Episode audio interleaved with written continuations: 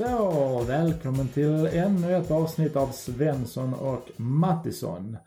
Eh, idag ska vi prata lite grann om kommunikatören och den roll som denna har. Eh, man kan ju tycka att som kommunikatör så krävs det rätt mycket av en idag. Eh, man ska vara rätt så mångfacetterad och kunna behärska väldigt, väldigt många olika saker. Eh, och här i det här avsnittet då så tänkte jag och Linus koka ner det hela till vilka egenskaper vi tycker är viktigast. Och där har vi faktiskt listat de fem viktigaste egenskaperna som vi tycker att en kommunikatör ska ha för att just vara en god kommunikatör.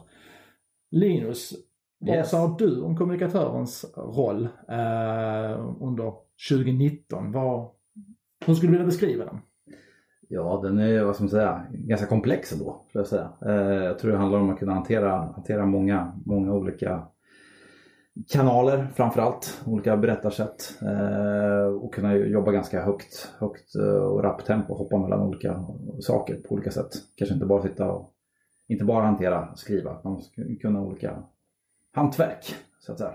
Och berätta väldigt Bred många olika, ja, precis, berätta många väldigt olika saker. Mm. Vissa kommunikatörer kan vara väldigt nischade, jobbar inom Absolut, ett, visst företag som, som Men- kanske levererar en produkt medan sen kanske en stor organisation eller en kommunal organisation är det Ja. ju jättemångfacetterat alltså Ja. mellan ämnen. Ena dagen så är det någonting om bygglov du ska kommunicera, nästa dag är det någonting om en, en kultur och fritid. Nej, men rent, rent, rent, rent generellt att man är bred i sin yrkesroll tror jag Mm, är mm. viktigt 2019 och, och eh, framöver. Och att man, eh, vad ska man säga, inte bara, eh, kanske inte bara specialisera sig på vissa saker.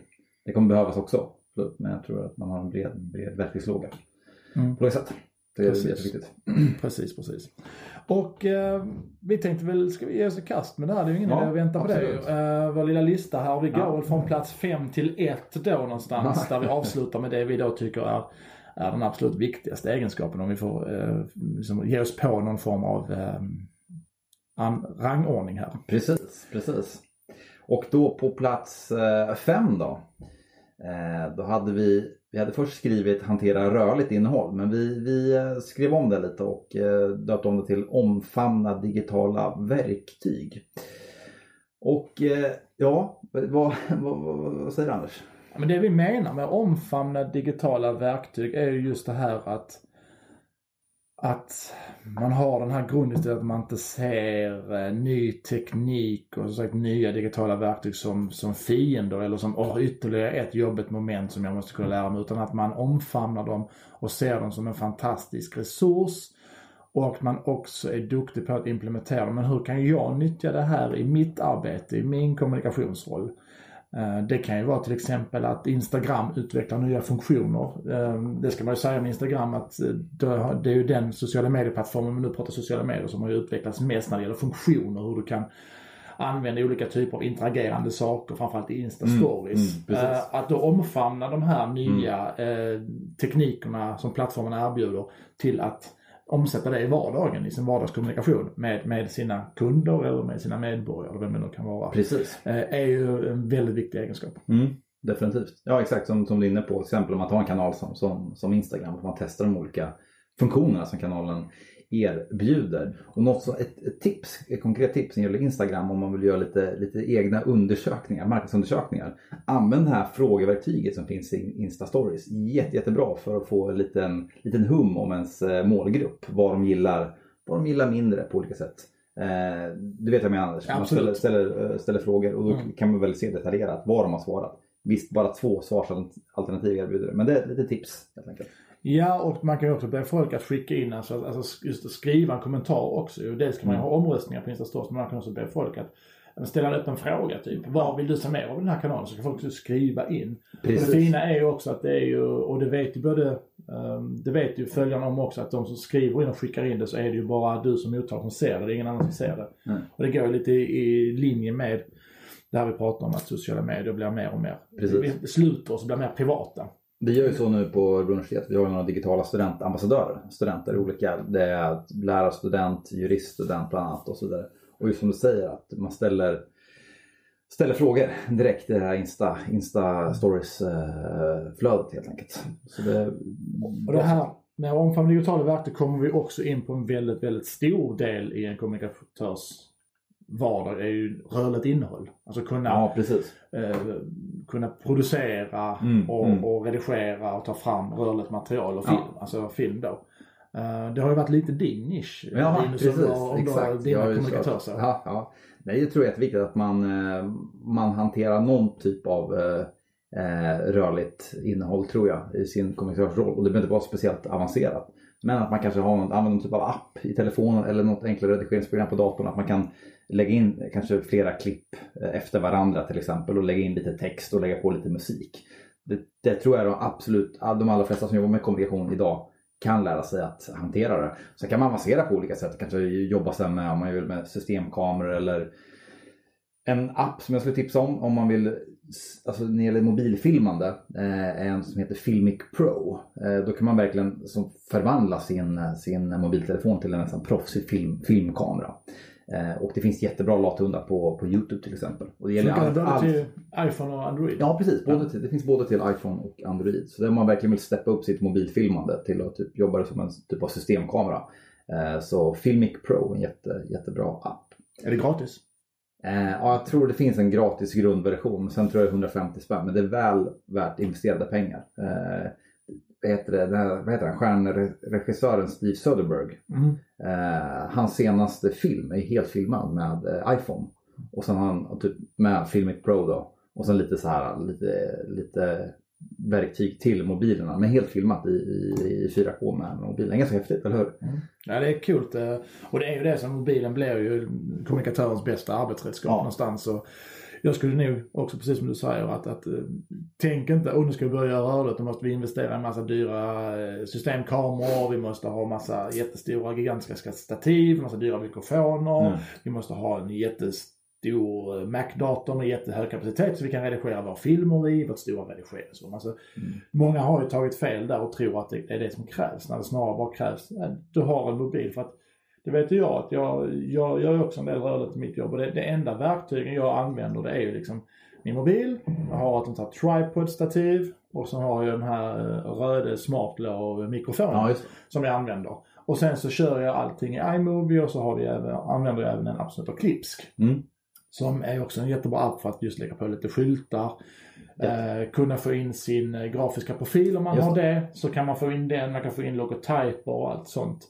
För du vet att många verksamheter och organisationer har brottats med lite grann att just det här med att Sitter man och redigerar i mobilen så ja men vi, vi vill ha med vår grafiska profil i det och vi vill ju ha vår lilla logga uppe i hörnet. Hur ska vi kunna lösa det? Det erbjuder inte iMovie de här eh, klassiska eh, filmgrejerna. Ja, men det, precis. det erbjuder den. Så det är tips. Eh, Den bästa typen av redigering, om man pratar iPhone, det är typ det fortfarande är iMovie, att du kan jobba med A och B-klipp så att säga. Och sen eh, när det gäller just filmandet, och så den här appen som jag tipsade om, Filmic Pro, om man vill verkligen steppa upp lite extra. Och sen just för den här grafiska elementen så är den här eh, appen Klipsk jättebra. Och det är ju en svensk app också som är, som är väldigt, väldigt kul. Men du, ska vi gå vidare lite här? Eh, Mm, plats nummer fyra. Plats nummer fyra. Analytisk. Ja, vad, varför är det viktigt Anders? Det kommer väl egentligen in lite på det här man brukar prata om så här omvärldsbevakning. Eh, att just eh, man, man har väldigt, väldigt eh, koll på, man får liksom, så gott man bara kan. Det, det kan vara svårt att hänga med i den digitala världen. Det går så otroligt fort och jag tror inte att det, det är inte någon förutom de stora då, techföretagen som verkligen då hänger med utan vi andra får liksom hänga med så gott vi kan. Men att det är en viktig del i det att just eh, kunna ha en, en bra koll på vad är senaste nytt, kunna se trender men också just det här kunna se samband med hur, eh, alltså kunna analysera också användarbeteendena hos dina följare. Eh, vad är det de verkar gilla? Eh, man kan gå tillbaka till gamla inlägg och se vad blir reaktionerna här? Vad är det för typ av folk som har gillat det här? Eh, eh, vilka typer av inlägg har funkat bäst? Alltså man, man, man hela tiden, det är ett, ett- ständigt arbete att göra i, i sitt huvud. Men Mm, att man hela det. tiden försöker eh, använda olika typer av statistikverktyg för att kolla olika saker, precis. kolla användarbeteendena. Tittar man till exempel på både Youtube och Facebook, om man pratar rörligt innehåll, så erbjuder de fantastiska eh, statistikverktyg för Mm, att just mm. följa och se hur användarna tittar på ditt klipp. Eh, hur länge de tittar och, Ja. och så vidare. Nej men just det, all, all den här datan som, som finns Mm. tillgänglig, att man tar tillvara på det på, på smart sätt och identifierar olika typer av nyckeltal. Och att man liksom har återkommande, vad ska man säga, ja, men rapportering tror jag internt också. Mm. Hur, alltså, hur det här gått? Hur kan vi utveckla det här på sikt på olika sätt? Så ta hand om datan. Olika Sätta sätt. upp bra så här KPI eller vad ska man säga, KPI och det, Ja. det, det är ju just det här, så här för ni som inte, ni som tycker att ja, men det pratas om massa KPI och sådär, men vad är det egentligen? Ska man säga att det är ju digitala nyckeltal som du sätter upp eller digitala Mm. Eh, målsättningar Ja, precis, någonstans. exakt. att det, vad vill vi uppnå med att Ja. vi har den här Facebook-kanalen? Vad vill vi uppnå med att vi jobbar med YouTube och så vidare? Och så kanske man sätter upp en 3, 4, 5 sådana här KPI. Att det ska, syftet med de här är det här. Mm. Det är det här vi ska jobba mot. För då blir det också en väldigt, väldigt tydlig uppdelning kring vad varje kanal ska göra för jobb. Precis. Och inte precis. sätta någon sån här, inte så här, många sätter nog i, säkert i brist på både kunskap men också på, eh, på eh, resurser. Att man gör en sån här generell övergripande för sociala medier.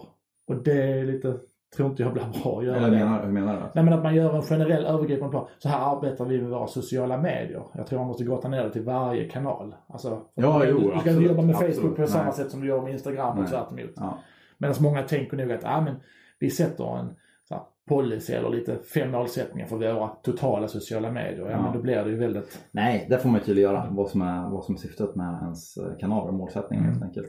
Sen får, man ju, sen får man ju vara kanske lite mer, om man tar fram en typ av strategier i sociala medier, att vara, vara lite mer svepande i vissa lägen. Mm. För att, fall, eller vara beredd på att revidera sina typer av strategier eftersom de är, det är så pass dynamiskt. Eh, det, det digitala landskapet helt enkelt. Ja, och du kan ju ha en målsättning med en kanal men sen så visar det sig till sist att eh, din kanal uppfyller ett, ett, annat syfte än vad som först var tanken och det kanske kan vara, vara lika bra nog. Eh, men att man just är öppen för det och inte låser sig vid de här då, nyckeltalen utan att man, man precis som du sa, försöker vara väldigt, väldigt rörlig. Mm, mm. Men eh, hur upplever du generellt att eh, kommunikatörer, eh, hur duktiga är de på att just följa upp statistik, ta fram olika typer av Mm. nyckeltal och, och dra analyser och slutsatser av det? Eh, görs det tillräckligt mycket? Nej, det skulle jag säga att det, att det inte görs eh, i dagsläget. I alla fall inte eh, vad jag har stött, stött på. Jag tror det finns mycket att göra. Sen finns det säkert organisationer som är jättevassa på det på olika sätt. Men jag tror det finns mycket, mycket arbete att, att, att göra där, att ta fram rutiner för. Men det är så mycket annat, det handlar om, om tid eh, helt enkelt. Men jag tror det är superviktigt att man hittar de här ändå rutinerna. Bokar in de här kanske mötena en gång i månaden. Man går igenom lite siffror helt enkelt. Jag försöker ju ta, jag försöker ha så här en, frigöra en dag i månaden. Mm. Gärna kring ungefär månadsbrytet, alltså när en månad övergår till en ny. Ja. Där jag eh, verkligen sitter och grottar ner mig i, alltså kollar statistik för, för alla våra kanaler och verkligen liksom går ner och försöker liksom eh, hitta, eh, trend, se trender, eh, försöker dra slutsatser av hur, hur, har det sett, hur ser det ut nu, hur har det Mm. sett ut tidigare månader.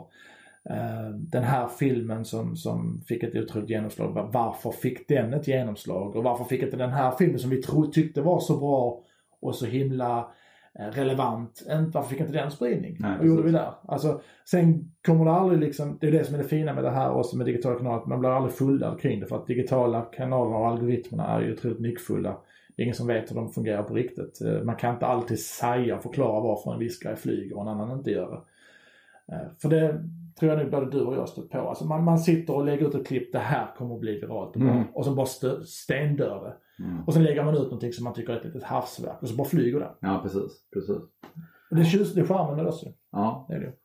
och det leder oss in lite på nästa punkt faktiskt. Eh, Men i alla fall, ta hand om er data. Det är superviktigt. Eh, Och identifiera de här nyckeltalen och följa upp på olika sätt. Och analysera hela Analysera, tiden ja. ett arbete och, och stanna upp och kolla på under vägens gång. Ja. Eh, jätteviktigt att ha kontinuerlig uppföljning. Yes. Plats nummer tre.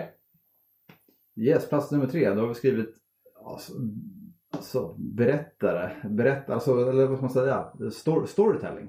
Storytelling. Ja. Eh, och för svenskt översatt så är det ju ja, be- berättare. Ja, berättare. Eh, att det är en viktig, viktig, enormt viktig egenskap för en kommunikatör att vara en god berättare. Precis. Men vad är en, vad skulle du säga en god berättare Linus? Oj, det, är- det är svårt att, svårt att säga men helt enkelt alltså det handlar väl i grund och botten om att kunna ha förmågan att kunna eh, beröra helt enkelt. Tror jag. Liksom att gripa tag i personen, att väcka intresse på olika sätt. Och det kan ju vara liksom via, via känslor eller liksom en nyfikenhet och så vidare. Så... Det, är, det är ju lite så här som kommer in på uh, journalistisk ådra. Är ja. det, ju. det här med att kunna berätta en historia. Precis. Och jag brukar säga det här att också kunna se det lilla i det stora men också det stora i det lilla. Mm, alltså, mm. och just det här att träna upp förmågan att lära känna, alltså veta en bra story när du ser den. Mm. Det här är ju en grej liksom. Mm. För det kan jag också tycka att det är, det är otroligt mycket, framförallt, vi pratar större organisationer också, så det är så otroligt många stories, äh, människoöden och annat som bara finns där ute som väntar på att någon ska berätta det. Men det är ju det väldigt, väldigt få berättar om det för att ingen förstår att det är en grej. Nej. Och det vet jag ju ofta när man har suttit på något möte eller så, så är det någon kollega som, som kanske nämner en sån här grej bara i förbifarten som en snabb mm. parentes. Och man bara, men vänta nu. Det där du berättar nu liksom, det är ju en supergrej egentligen. Mm. Ja, är det? Det är ju en kanongrej, det måste vi göra. Du, vi stannar kvar efter mötet och snackar du och jag. Det där är ju en kanongrej liksom. Mm, mm. Oj, det förstod inte jag liksom. Nej, och nej, det är klart att man inte, om du inte liksom jobbar med de här grejerna så är det, det är väl självklart att det är inte så onaturligt att du inte kan det liksom. Men därför kommunikatören blir så otroligt viktig i en organisation. Att just kunna vara, liksom, ha örat ut mot verksamheterna mm. uh, och fånga upp just de här guldkornen som finns. Uh, för jag vet att du, du brukar ju säga det vet jag när du började på Örebro kommun, att för då kom ju du från en, en roll som, och jobbat på Nackas Allehanda som, mm. som journalist en massa år och så kom du rätt in i Örebro kommun. Och du, din, din, din, första grej du sa till mig, vet jag var, helvete vilken guldgruva offentlig ja. sektor är av stories. Ja. ja, verkligen. Verkligen något som verkligen slagit mig, eller som slog mig när jag kom och började jobba inom kommunal verksamhet. Det är ju guldgruva, liksom allt spännande som händer i princip varje dag liksom. Inom alla verksamheter, om det är inom skolan, inom äldreomsorgen, stadsbyggnadskontoret. Alltså det finns så många liksom eh, stories överallt helt enkelt. Och det kan ju handla om, eh, ja vad ska man säga, någon, eh, någon, säg, någon eldsjäl som till exempel jobbar inom på en arbetsplats. Eh, liksom skildrar den här personen på olika sätt, de paketerar på ett bra sätt. Eh, ja, you name it. Det finns, finns liksom hur mycket som helst att, att, eh, att hitta kan vara personen i skolköket som har jobbat, alltså som har serverat liksom skolbarn i 30-40 år. Som ja, har serverat precis, liksom, precis. söner och döttrar och sen även serverat deras mammor och pappor. Alltså sådana här, alltså. Precis. Sådana finns ju, de finns ju. Exakt, ja. exakt. Och det är ju alltså, de här riktiga hjältarna helt mm. enkelt. Hur många sådana stories som helst finns det, i synnerhet i kommunal verksamhet. Så det är ju bara att försöka hitta de här eh, personerna tror jag och eh, storiesarna och sen, och sen att eh, producera på ett bra sätt och, och paketera Ja, och så finns det ju bara personer och profiler i en organisation som ja, händer. Ja. Det är också så otroligt mycket. Ja, äh, saker och ting som, som sker i, som inte alltid kommer upp till ytan. Mm. Och det blir ju också kanske att många eh, personer kan ju fram, främst känna nu, nu kanske vi fastnar lite vid, så här, vid kommunala och offentliga verksamheter men det gör ju också att det leder oss till att folk tänker så här, ah, men kommunen, ja, men de gör ju inte ett skit. Det händer aldrig mm. någonting. Det är ju fel, det händer ju så otroligt mycket där. Ja. Men det är ju upp till då en, en kommunikatör att berätta om det. Ja, men det är samma om du jobbar liksom i ett, ett företag eller eh, som, som utvecklar kanske bara är nischade mot en produkt eller något sånt. Ja, det, det, men det, det går ju ändå att hitta stories kring, kring de som jobbar på det här stället på olika sätt. Eh, så det, ja, men det som du sa, jag tror det är viktigt när man får, när något så här passerar, någon idé liksom, eller man får höra, skriv ner det på en gång liksom, på något sätt och samla de här alla idéerna på något sätt och sen sitta och spåna tillsammans hur, hur man kan liksom producera det här och distribuera det och paketera på olika sätt. Ja, för det är paketering och just det här hur du, hur du presenterar materialet. Eh, ja. det, är, det är ju superviktigt ju för att uh, en, en, en, en bra story eller något sånt, ja den, den, finns där men det blir ingen bra story om den inte då paketeras och presenteras på, på rätt sätt. Mm. Så att, och där ligger kommunikatörens stora utmaning också att, att kunna berätta en fantastisk historia på mm. det sättet som den förtjänar. Och det är ju där mycket konsten ligger i. Uh, det är ju därför som så att säga det är ju samma med de som här, producerar film och sånt. Det, det är samma sak där. Det är storytelling det också. Det mm. handlar om att berätta en historia på ett bra och gripande sätt. Och det, mm. det är inte lätt men eh, Nej, det, det, kräver, kräver sin person. Ja. Det gör det verkligen. Så är det. Nej, men hitta, hitta era stories helt enkelt i organisation. Det en, ofta, sitter, ofta sitter ni på en guldgruva. Sagt. Ja, vänd blicken verkligen inåt i organisationen mm. och leta. Uh, och lyft på stenar där. För att du kommer hitta så otroligt mycket och just det här lär dig liksom, eh, lär dig, lär, träna upp din förmåga att, att uh, se, hitta, veta när du ser en bra stories någonstans. Och just att kunna se både det stora i det lilla men också det, det lilla i det stora. Ja, Eh, det är ju sånt som eh, journalister jobbar med väldigt, väldigt mycket. Att just att hitta grejen, hitta vinkeln och sånt ju. Mm. Eh, för det vet, tycker jag, de, de så bästa så här nyhetschefer man, man har haft, det har ju varit när man blir utskickad på ett jobb och så liksom, ja men vad, vad, Mm. vad är grejen liksom? Nej men det, det vet jag inte. Du får ut hitta en vinkel bara. Och det är ju det som många vet jag, eh, vissa journalistutbildningar och folkhögskolor har ju som ett sånt här moment. Jag tror, eh, när jag gick eh, på sån här, eh, jag läste ett halvår på Poppius journalistskola Mm. i Stockholm samtidigt som jag, som jag jobbade parallellt. Mm. Första dagen vi kom dit så var det jättehäftigt för att då, då fick de bara så här ni ska ut nu i två, ja, för så satt vi mitt inne i centrala Stockholm. Ehm, och det var ju tacksamt på ett sätt. Men det var ju liksom att Titta läraren sa du går till Fältöverstens galleria. Du går ner till Karlavägen. Du går ner till Stureplan sådär. Mm. Hitta en nyhet. Kom tillbaka om två timmar. Ja, men vadå för nyhet? Ja, hitta en nyhet. Vad som helst. Ja, precis. Det är en jättebra övning att Mm. göra. För då var det ju verkligen så här, okej liksom. Och grejen är att stort sett alla kommer faktiskt tillbaka med någonting som, som var någonting. Ja. Bara var jävla wow, vad häftigt liksom. Alltså, ehm, kul övning att göra. Eh, det skulle man kunna göra också. Är man kanske ett, en stor organisation som är ett stort kommunikationsgäng. Ja. Säg på kanske 50 kommunikatörer eller kanske mer till och med. Mm. Kunde man inte ha det som en workshop en dag ju? Jag menar, ni, sitter på en workshop och sådär. Skicka ut alla på, på stan eller och låt dem vara ute i ett par timmar. ja, det. Hitta en bra grej, hitta en story. Absolut, det Eh, tror jag kan vet vara. Ja, verkligen. Det är en bra träning. Yes! Vi rast vidare här. till Ras vidare. Plats nummer två. Plats nummer två. Det blir spännande. Orädd, att våga vara orädd helt enkelt. Att våga testa har jag skrivit. Mm. Eh, och det är väl, ja, helt enkelt. Allt, det är väl helt enkelt att man, allt kommer inte flyga som man, eh, som man testar. Så enkelt är det. För, för att lyckas så måste man ju våga, våga misslyckas. Låter så jätteklyschigt men eh, så, så är det ju verkligen. Eh, kanske på, på tio idéer kanske det är en som flyger och nio är värdelösa. Men bakom ett viralt inlägg så är det kanske 10-20 misslyckade inlägg. ja, eller misslyckade. Men... Nej men äh, mindre virala Ja. vi säga. Inte misslyckade kanske. Men Så jag tror man eh, måste våga i vissa lägen ta ut svängarna och testa lite sin, sin publik helt enkelt. Och kanske inte bara vara stöpt i samma format. Att man ja, vågar sticka ut lite, kanske språkmässigt på olika sätt. Eh, paketering om man gör någon typ av rörligt.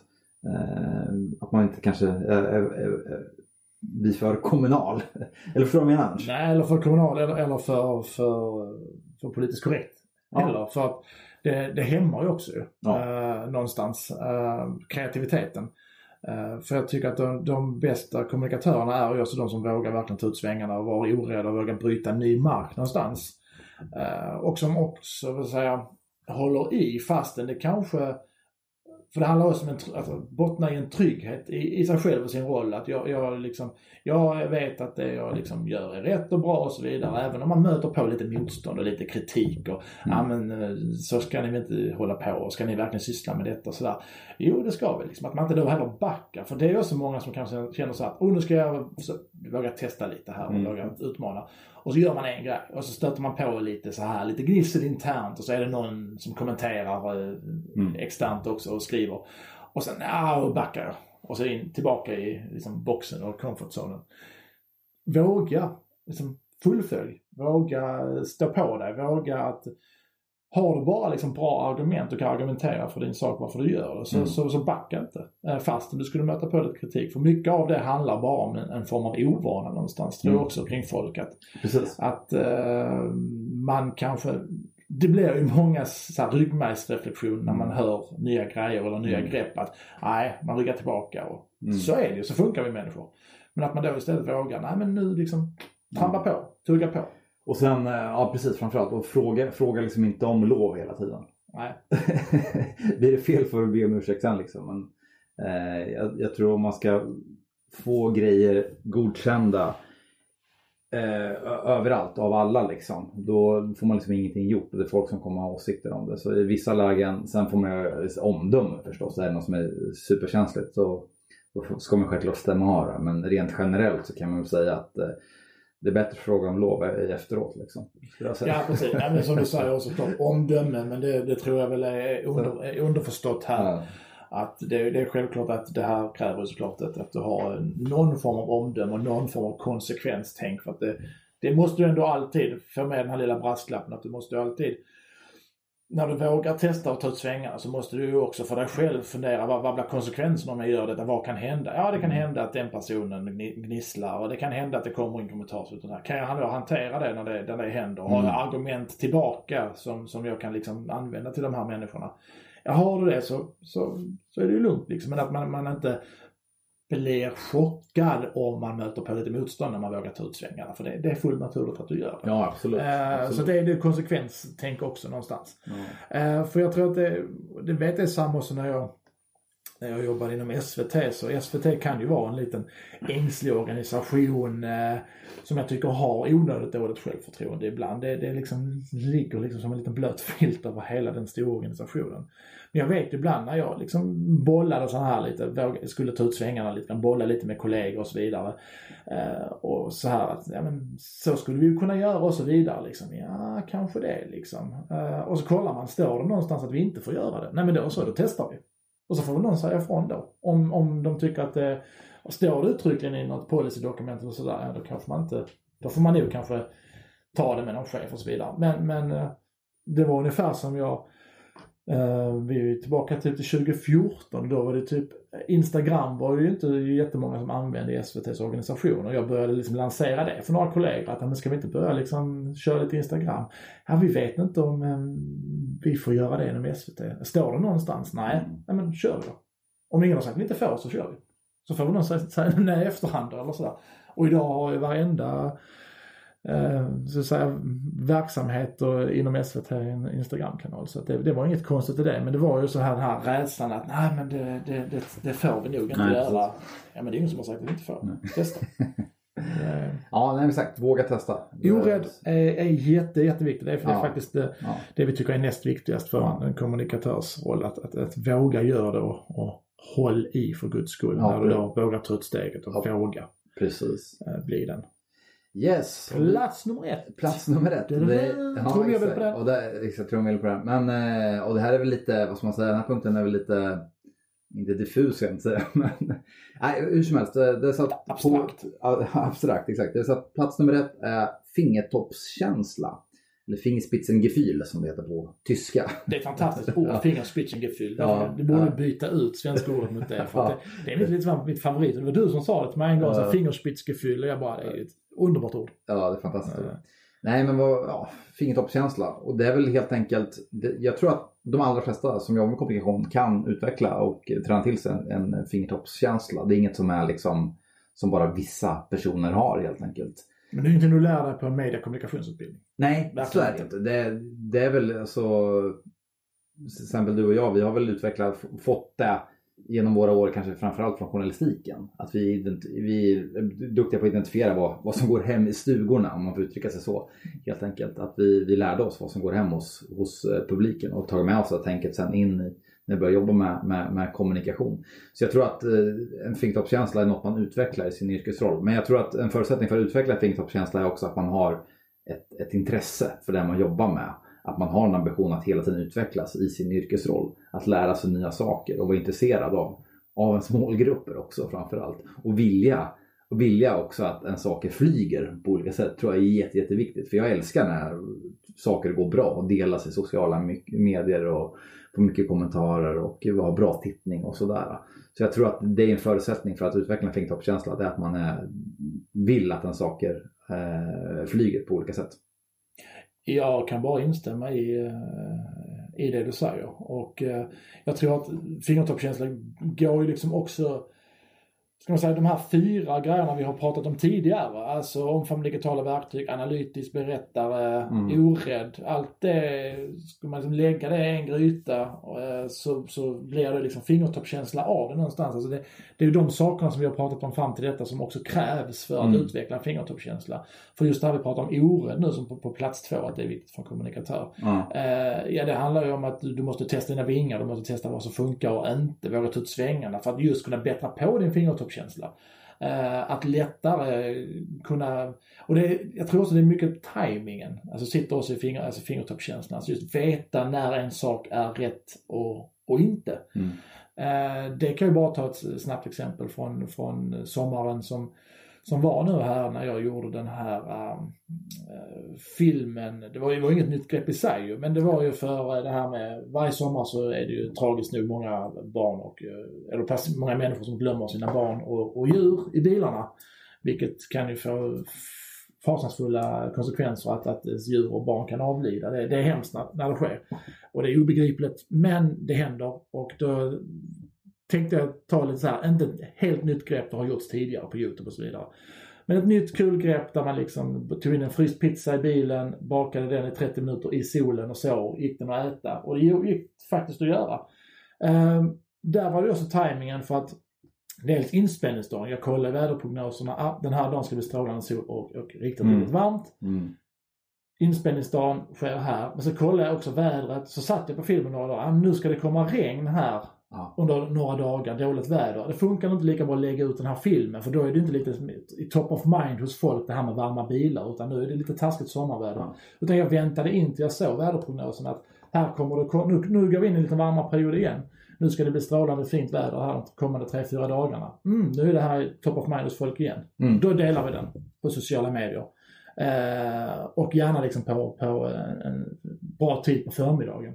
Och den filmen flög. Det, på Facebook tror jag den har, den har över 30 000 visningar på, på mm. Facebook mm. organiskt. Så att eh, den hade inte varit lika relevant och, och, och ett jätte, jättesimpelt exempel men den hade ju absolut inte varit lika relevant att dela eh, i april eller i oktober eller eh, under en, en, en sommar där det är skitväder och är typ 13 grader och regn. Nej. Så är det ju. Så man, man, måste också känna av den och veta när, när är det rätt tid. För jag, jag, har suttit på väldigt, väldigt mycket material som jag bara väntar på att hitta rätt läge att, att lägga ut. Mm. Jag skulle kunna lägga ut det jag, kan, jag skulle kunna lägga ut det samma sekund som jag får det klart. Ja ah, men nu skickar jag ut det. Ja ah, men vänta nu jag ska försöka vänta in tills det här kommer att ske. Eller till det här, alltså så här. Innan jag delar den här grejen. Mm. Uh, nu är det läge. Mm. Så, det är alltså en förmåga man bara liksom, man får träna upp under årets gång. Precis, verkligen, verkligen. Men som sagt, är, man måste återigen, fingertoppskänsla är inget man bara, eller vissa kanske har bara helt naturligt, men eh, både du och jag, det är något vi har, har utvecklat mm. med vår yrkesroll och något som kommer, som man får med erfarenhet. Mm. Det gäller väl alla typer av yrken egentligen. Absolut. Så, så oavsett om det handlar inte bara om kommunikation, det är väl, man får ju fingertoppskänsla på sina om man jobbar som läkare eller liksom, förstår menar, som lärare eller vad som helst. Det är ju... Framförallt om du är hjärn eller hjärtkirurg, det är bra med fingertoppskänsla. ja, bokstavligt talat, precis. Ja, du håller på med aktier och ja. står på Wall Street så är det väl väldigt trevligt med en fingertoppskänsla då. Ja. Det är väl de som är, ja, är mest framgångsrika. Men, men just för att, för att knyta an så, för att ha det så, så måste du också ha det andra. Du måste framförallt eh, också ha i tidigare skede varit orädd och just våga utmana dig själv och, och din omgivning och utmana dina följare som du har i digitala kanaler. Mm. Eh, för att just bättre kunna lära dig vad som, så att säga, vad du sa, går hem i stugorna Precis. Eh, och vad som funkar ja. Eh, för att du ska vara så pass relevant som möjligt. Så, att, eh... så tips nummer ett på kommunikatörens fem viktiga egenskaper under 2019 som ni tycker att ni ska utveckla, det är att utveckla er fingertoppskänsla. Ja, precis. Eh, helt rätt. Det är plats nummer ett, helt enkelt. Yes. Eh, och ska vi en snabb summering av, av listan eh, så var det var fem viktiga egenskaper. Så plats, fe, plats fem var det omfamna digitala verktyg. Plats fyra analytisk. Plats tre var en berättare, alltså en god storyteller. Plats två var orädd och plats ett, god fingertoppskänsla. De fem sakerna så har vi väl en magisk kommunikatör Linus? Ja absolut, absolut, ja. verkligen. Så ja. Hoppas att jobba på, det. jobba på de sakerna och ja. eh, har ni liksom eh, flera egenskaper som ni tycker är otroligt viktiga så mm, leta gärna upp eh, mig och Linus på, vi finns ju framförallt på LinkedIn, finns ju på. Ja, precis. Där man kan eh, gärna skriva till oss och, mm. och kommentera våra inlägg och sådär. Jättespännande att se för jag tror att det, det, finns ju, vi skulle lätt kunna ha en lista med fem egenskaper till som är viktiga. Men uh, vi får väl försöka hålla oss liksom, begränsa oss lite grann. Men uh, jag tycker de här sak, fem sakerna, ja. Har du dem så, så kommer det gå dig väl i livet. Yes. Kanon! Ja, men vi säger så för den här veckan. Så på återseende om cirka två veckor då. Ja, onsdag om två veckor hörs ja. vi igen. Ha det bra. Hejdå! Hej hej!